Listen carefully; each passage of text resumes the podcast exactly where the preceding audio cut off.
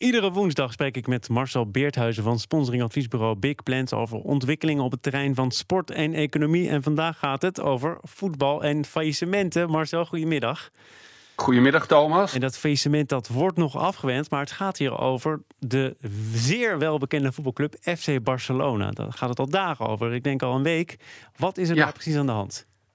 Ja, het coronavirus heeft ook hier zijn impact. Dus Barcelona is bij uitstek een, club die enorm afhankelijk is van toerisme, van mensen die de wedstrijden bezoeken, het stadion bezoeken, het museum bezoeken, shirtjes kopen in, in, in de shop van in het stadion. Ja, en die mensen zijn er nu allemaal niet. Dus dat scheelt die club zo'n 100, eh, meer dan 150 miljoen euro. En ze komen nu echt in de problemen. Ze hebben slecht financieel beleid gehad de afgelopen jaren. Ze betalen veel te veel aan salarissen. Ze hebben een enorme schuld. Niemand weet precies hoeveel, maar die zit ergens tussen de 500 miljoen en 1 miljard euro.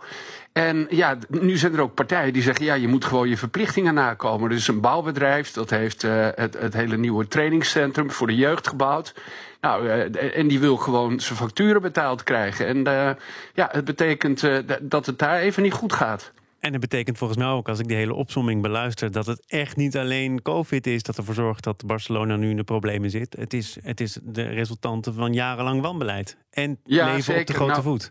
Ja, een paar jaar geleden ging het best aardig. En nadat ze Neymar verkocht hadden, weliswaar voor 222 miljoen euro hè, aan Paris Saint-Germain, de, de, Franse voetbalclub, hebben ze ook allerlei nieuwe spelers gekocht voor veel te veel geld, die ook niet brachten van wat er van uh, verwacht werd. Dus die rendeerde helemaal niet. En ja, dat betekent dat het geld daar maar de deur uitliep. Uh, ze betalen ongelooflijk veel, veel geld aan salarissen, zei ik al. Hè. Bijna 70% van de totale begroting gaat op aan salarissen. Messi alleen al verdient al 100 miljoen per jaar. Dus het is gewoon niet bij te houden in, in, in, in dit soort tijden. Hadden ze Messi niet dan uh, moeten verkopen om de discussie van de afgelopen zomer maar weer dunnetjes over te doen? Maar dan ben je af van zijn salaris en het kan nog behoorlijk wat opleveren. Ja, dat vind ik best een moeilijke vraag. Want hij is natuurlijk, ik denk, de allerbeste voetballer. Althans, vind ik dan ter wereld. Hij zorgt ook voor enorme uh, aantrekkingskracht. Maakt nog steeds uh, verschil op het veld. Hoewel de stemmen daar ook wel eens over staken. Maar ja, ja hij, hij zorgt natuurlijk voor heel veel commercieel rumoer. Hij zorgt dat er altijd aandacht is. Zo'n grote speler. Dus uh, ja, ik zou hem niet zo snel wegsturen, maar wel anderen die, die gewoon veel te duur zijn of waar veel te veel salaris aan uh, wordt betaald. Ja, en nu moeten ze wel gaan korten op al die salarissen, want ze moeten binnen korte tijd zo'n 190 miljoen euro gaan vinden.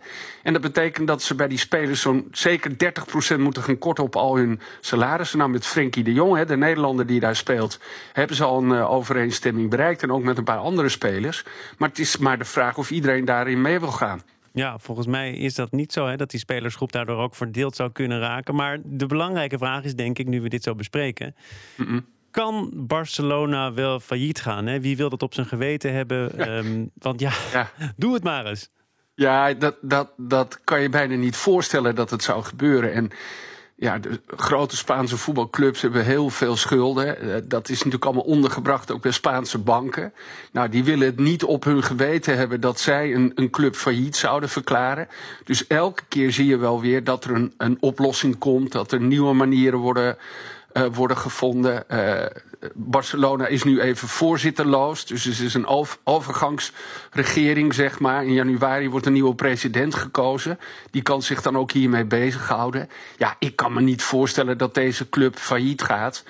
Uh, in Nederland, als je failliet gaat, dan kan je niet opnieuw starten. Ik weet niet hoe dat in Spanje zit, maar in heel veel andere landen. Als je dan failliet gaat, kun je ook de volgende dag weer opnieuw beginnen. maar ik denk dat een club als Barcelona altijd wel weer in staat is om fondsen te vinden. Ja. Uh, ze gaan een nieuw stadion bouwen.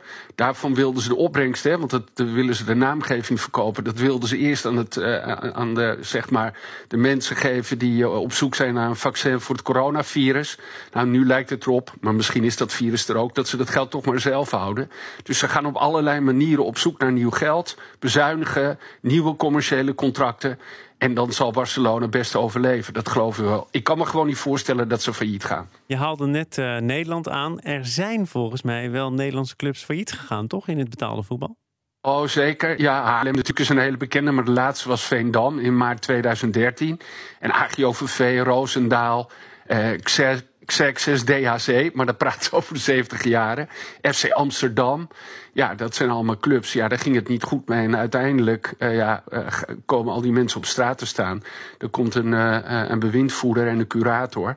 Alle contracten worden ontbonden. En ja, dan bestaat die club niet meer. En wat ik al zei, in Nederland is het zo geregeld dat die licentie die valt dan weer terug naar de KNVB. Dus dan kan iemand niet een doorstart doen, hè, wat normaal gesproken bij heel veel bedrijven ook in Nederland wel kan, maar in het voetbal dus niet. In andere landen is dat wel zo, en met name in Oost-Europa zie je bijvoorbeeld dat ze heel lang geen salarissen betalen, uh, de club failliet laten gaan, in de volgende dag weer een doorstart maken. En dan veranderen ze één of twee namen in de, elf letters in de naam van de club. Nemen ze ook die historie weer mee en dan gaan die clubs gewoon verder. En met name die voorzitters die daarachter zitten, zijn loesje figuren. Maar gelukkig kan dat in Nederland niet. In Nederland is het allemaal goed geregeld. Marcel Beerthuizen, dankjewel. Tot volgende week.